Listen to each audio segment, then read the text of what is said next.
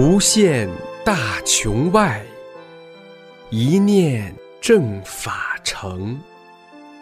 师尊慈悲愿，万物沐春风。请听明慧专题《一师恩》。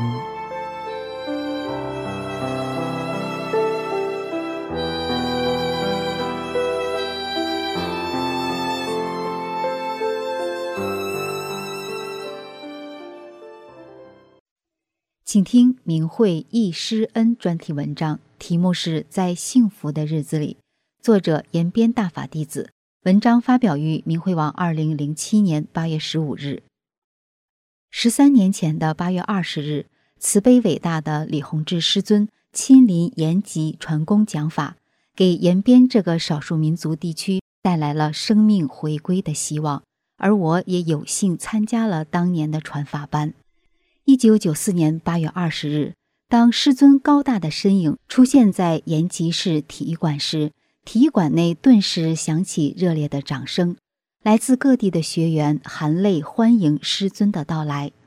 我见到师尊一刹那间，突然看到师尊身上出现了大光环，这让我惊奇之余，也明了师尊是一位真正下世渡人的觉者。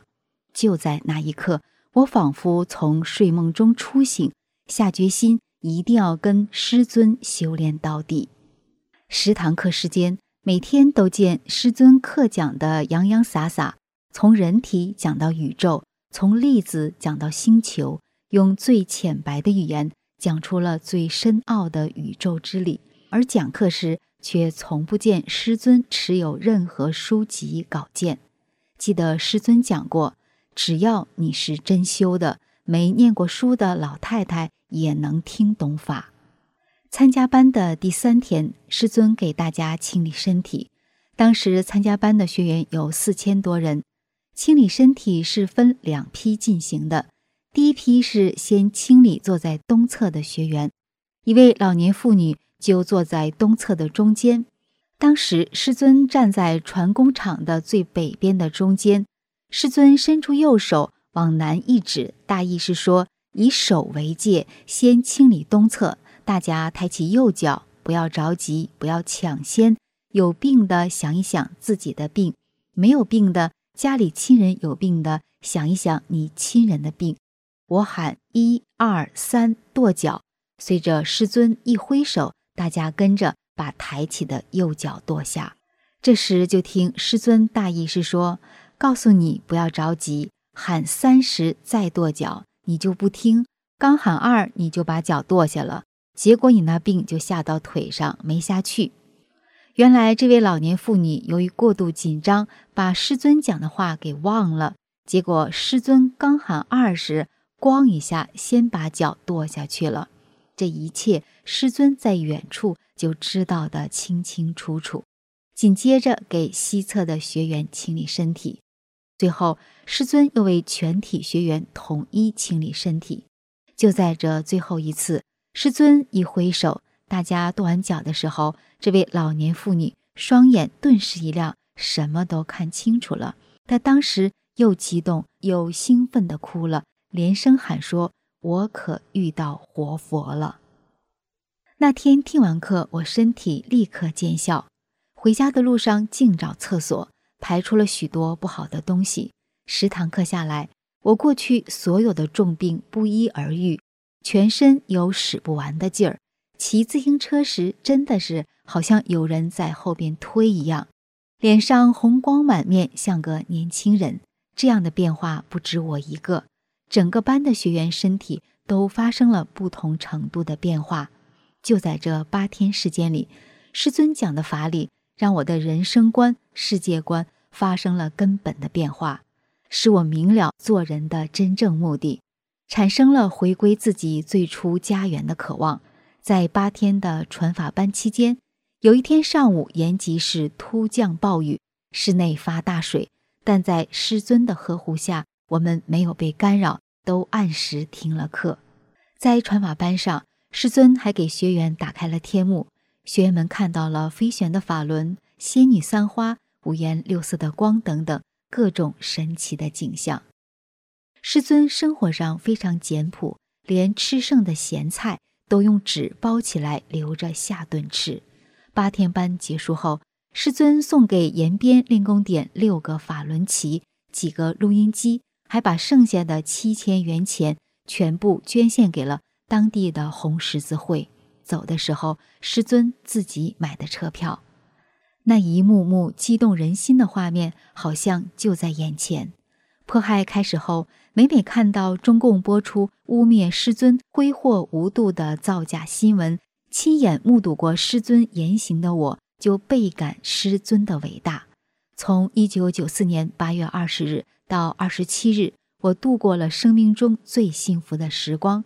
面对师尊给我的一切一切，我唯有修好自己，才能报答。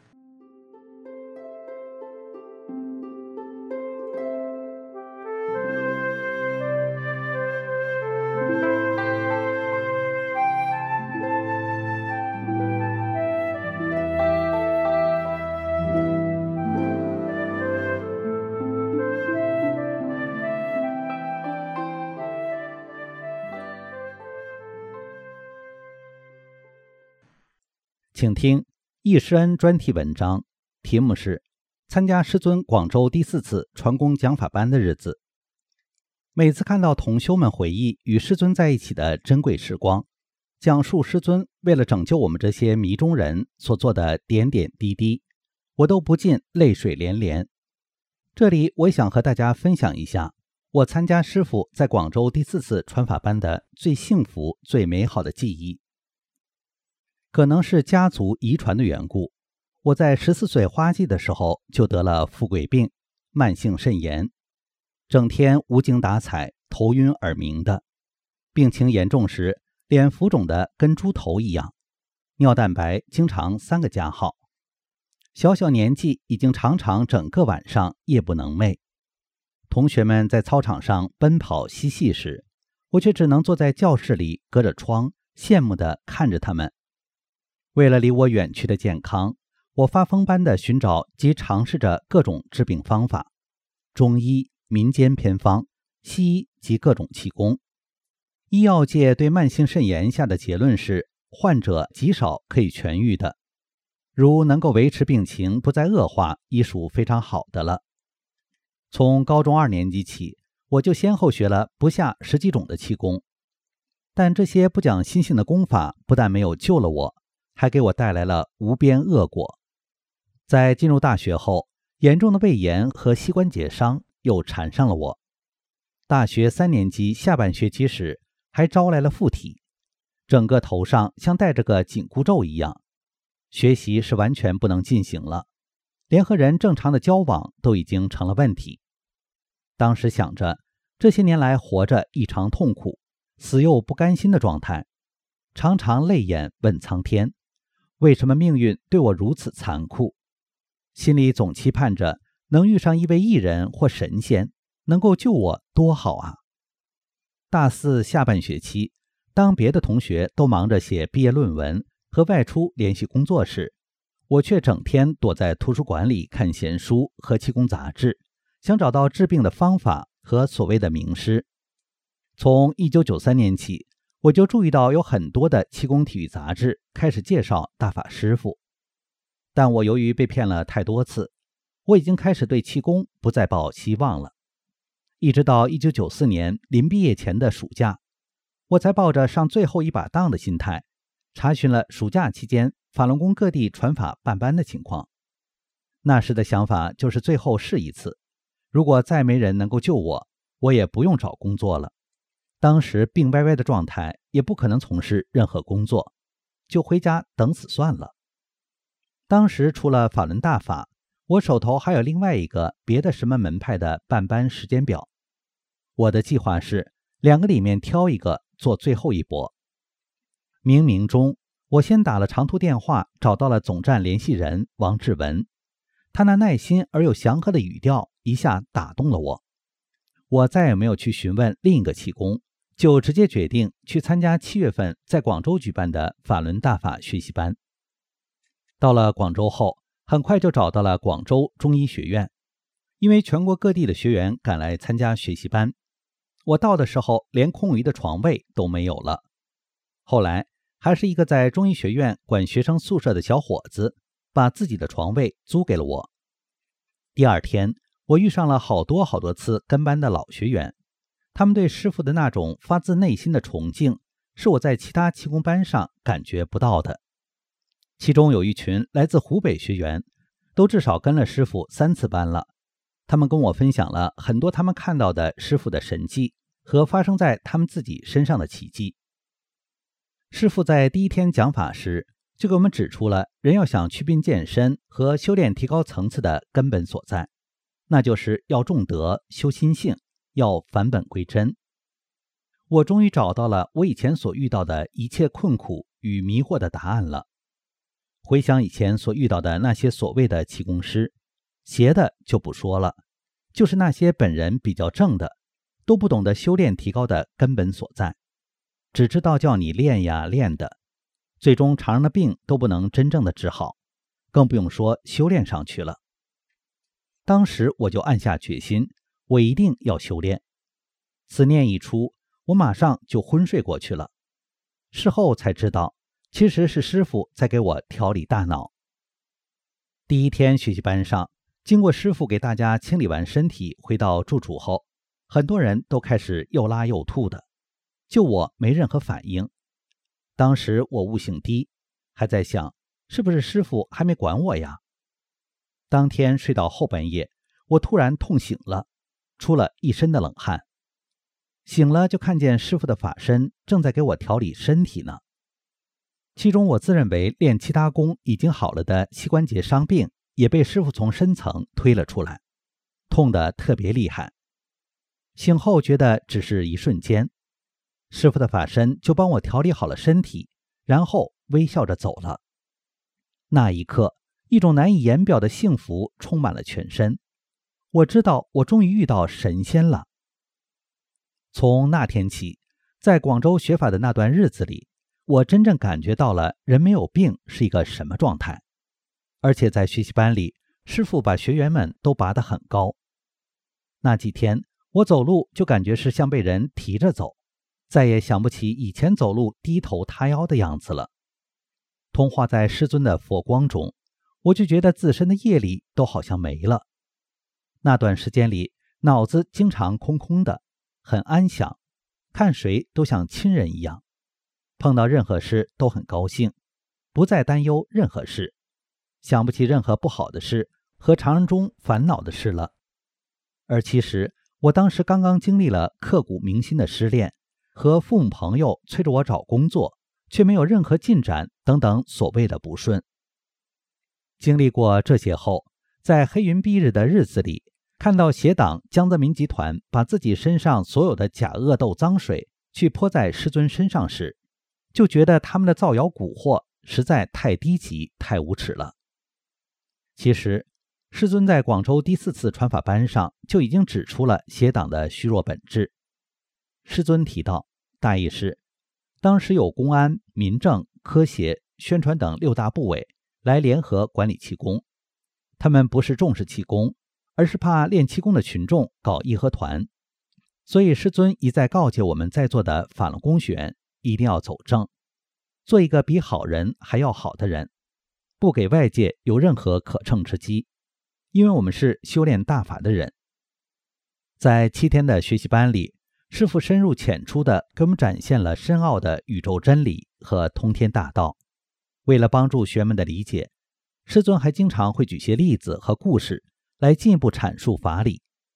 在整个学习班过程中，当时我最大的感受是师傅慈悲，师傅正。师傅除了给我们讲法。教我们如何做修炼人的道理外，师尊平易近人，没有任何架子和差别心。在课间，师尊经常下来看看学员，并回答一些问题。我有好多次看到师尊亲切地拉着一些看上去脏兮兮的农村老大爷的手在问询。我也有幸和师傅有了次正面接触，当时就感到了师傅的慈悲笼罩着我。过后，我很久都不愿开口说话。明白了大法法理的学员们也都很平和，不会簇拥着师傅问东问西的。当然，师傅对几个悟不上去的学员也是很严肃的。我亲眼看见，在一次讲法休息期间，师傅对一个求他治病的妇女很严肃地说：“我讲课中已经讲得很明白了，不要再跟我提治病了。”令人勇敢幸福的学习班还是结束了。当师傅一边打大手印一边往里走时，学员们全体起立鼓掌致意。很多学员泪流满面，久久不愿离去。我也是满脸泪水，不知怎么的都哽咽起来了。我明白的一面太清楚，伟大的师尊都给我做了些什么。另一个我告诉自己，我一定会再见到师尊的。谨以此文恭祝我们伟大的师尊华诞。对于师父的苦度洪恩，我们唯有精进不停，兑现自己的史前大愿。才能报答。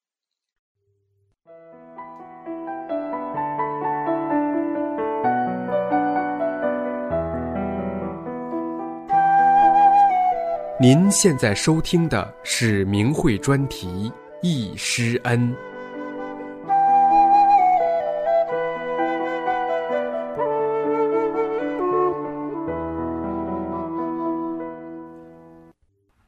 请听明慧易师恩专题文章，题目是《幸福的回忆》，副标题：山东灵清大法弟子想念师傅。作者：林清大法弟子小莲，化名。文章发表于明慧网，二零零六年十二月十一日。一九九三年五月七日。伟大的师尊亲临灵清市，为救度这一方众生，不辞辛劳，在灵清市举办了为期十天的法轮大法面授班。十几年来，师尊的高大的身影、和蔼可亲的音容笑貌，一直使我不能忘怀，激励着我，使我能在返本归真的修炼道路上坚定地走到现在。第一次见到师傅是在公园里，师傅衣着整洁，穿一身深蓝色的西服，白色衬衣和一双黑色皮鞋，看上去不到三十岁，很年轻。我离师傅大约两米距离，师傅笑眯眯地望着我们。当时和我们在一起的一个亲戚请师傅给他调病，师傅答应了他的要求。师傅是那样的平易近人、可亲，使我们久久不愿离开。后来听同修说，师傅在公园给我们选择了练功场地，并清理了练功场。师傅在临清传功讲法时，干扰也很大。记得有一次讲法时，麦克风传出音乐声，师傅说：“他们就是不让你们听法。”于是师傅不用麦克风，直接给我们讲法。师傅问我们能听清吗？几个方向都问到了，直到大家都说听清了，师傅才开始讲课。师傅微笑着，总是为我们着想。学习班结束时，师傅用自己的钱买了一个大录音机，送给林清学员练功用。师傅在办班期间给我们清理身体。有个学员办班前几天正在筹备前到医院做乳腺癌切除手术，听说法轮功在临清办班，就没去医院，参加了师傅的面授班。在九堂课中，乳腺癌肿瘤神奇般的不见了，至今乳腺没有任何问题。在面授班结束谈心得体会时。他在讲台上激动的说不出话来，只是对着师傅呜呜的哭。我也是一个体弱多病的人，曾患有严重的失眠症而引发心率过速，患子宫肌瘤三个，脚后跟长骨刺，下床时脚不敢着地，疼痛难忍，生孩子时落下的后背沉，胳膊抬不起来，腿疼。有时无名的高烧，几天不能下床，日子过得很艰难。九堂课下来，我竟无病一身轻。师傅在讲课中给我们调整身体，让我们想一下自己的病。没有病的人可以想一下亲朋好友中有病的人。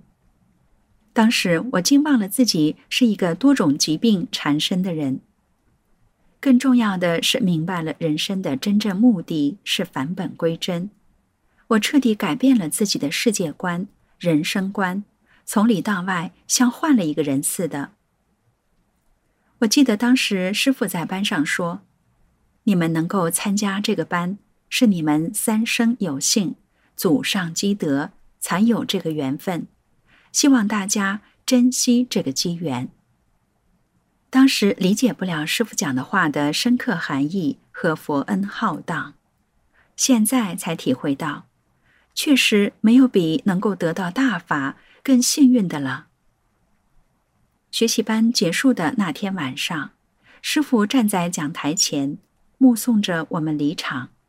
我望着师傅依依不舍，久久不愿离去。一晃十几年过去了。没想到师傅在临清的那段日子，心中总是激动不已。师傅啊，临清大法弟子真的非常想念您啊！在这十几年的风风雨雨中，师傅一直慈悲呵护着我。我紧随师傅走在修炼的路上，一直走到现在。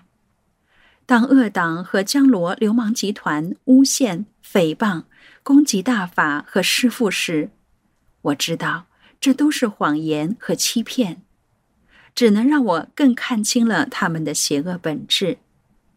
我们的师父是最伟大的、最慈悲的、最正的。今后我要一如既往的做好应该做好的三件事，绝不辜负师傅对我们的希望。让师傅少一份对我的操劳，多一份欣慰。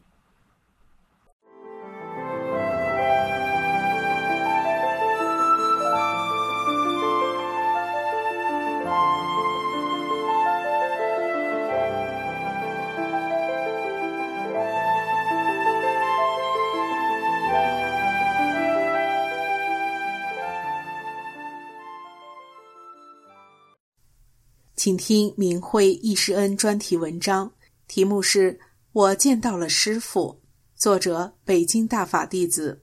文章发表于明慧网，二零零七年一月六日。我是一九九四年十月得法的。那天晚上，我捧着《中国法轮功修订本》，看到十一点多，在家人的催促下，我只好不情愿的等明天接着看。就在这天晚上，师傅就给我下了法轮和契机，在我胸部有一个东西在动。虽然书没看完，但我知道这本书是天书，是修炼的书，因为它让我整个身心都震撼了，因为它讲的都是天理。过了几天的早晨，我头脑非常清醒，似睡非睡中，有个人对我说。你是童话大法来的，我翻了个身，他又对我说：“你是童话大法来的。”醒来后，我悟到，这一定是师傅对我说的。得法两个月，师傅要到广州办班，我想一定要去见师傅一面。我得到了一张去广州的优待免费往返飞机票，我想这一切都是师傅的安排。一九九四年十二月二十一日早晨，我在饭店里正在头前抱轮，忽然我就得到了法轮。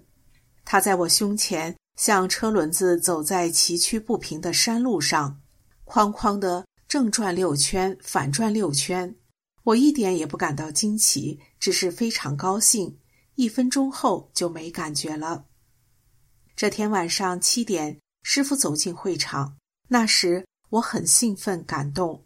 师傅说：“有人还没见到我就得到法轮了，而我就是幸运儿中的一个。”师傅讲，刚得法轮可能不是转九圈，还讲，别看会场四五千人，能修上去多少，我也不乐观。我就想，我一定做那个修上去的人。师傅还讲法理讲得很高了，我想师傅讲的再高，我都相信。师傅讲的每一个字，每个法理，都像往我脑子里刻上去的一样。我聚精会神，全神贯注，一切杂念都没有。整个会场一片祥和慈悲。会场外有许多人没有票，开课了，他们就在外面等着，不舍得离开，只好又开设了一个会场。从新疆来的、东北来的，有的听到消息就早早来了，钱花光了，学员主动的帮助他们。会场上拾到金项链、手表等贵重物品，学员交到师傅那一讲。师者自己去领取，在那人人思想都在升华的会场中，谁也不觉得惊奇，认为很自然。师傅每天七点半正式讲课，可每天都七点到会场给学员解答问题。我们每天早晨就盼着快到会场去听师傅讲法。和我同住一个饭店的一个退休老干部的妻子给我们讲。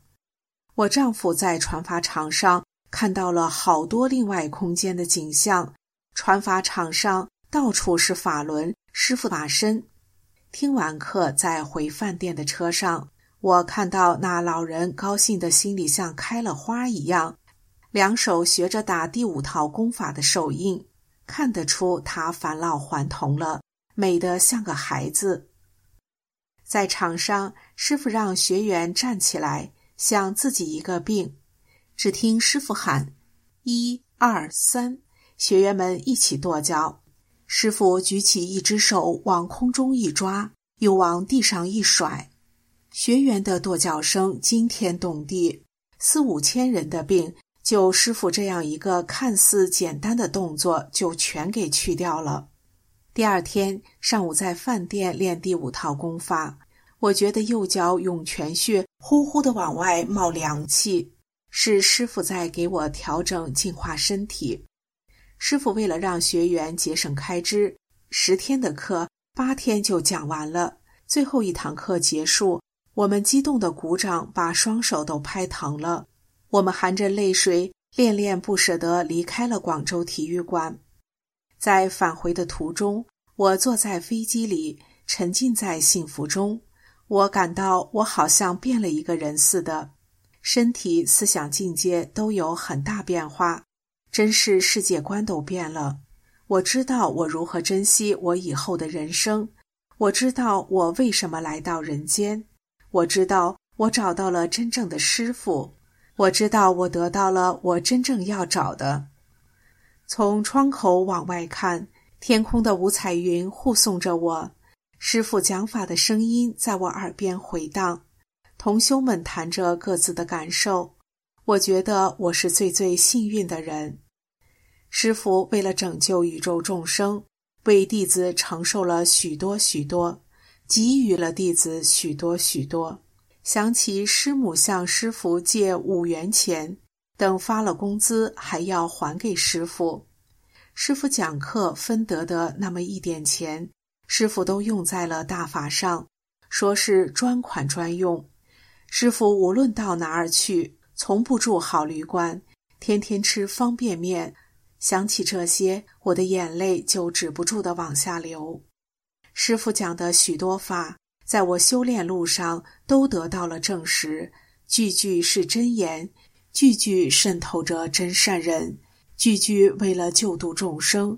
句句为了学员的提高、升华、圆满，我常感到师傅就在我身边。当我困惑时，师傅点悟我；当我执着时，师傅用别人的嘴批评我；当我过关时，师傅看护我；当我正念强时，一切都发生了变化，小腹部位的法轮加速转动；当我悟到法理时，浑身为之一震，是师傅为我掌功呢。和师傅这个缘分，用人间的任何语言讲都觉得不贴切。只有真修弟子才能在修炼中感悟得到。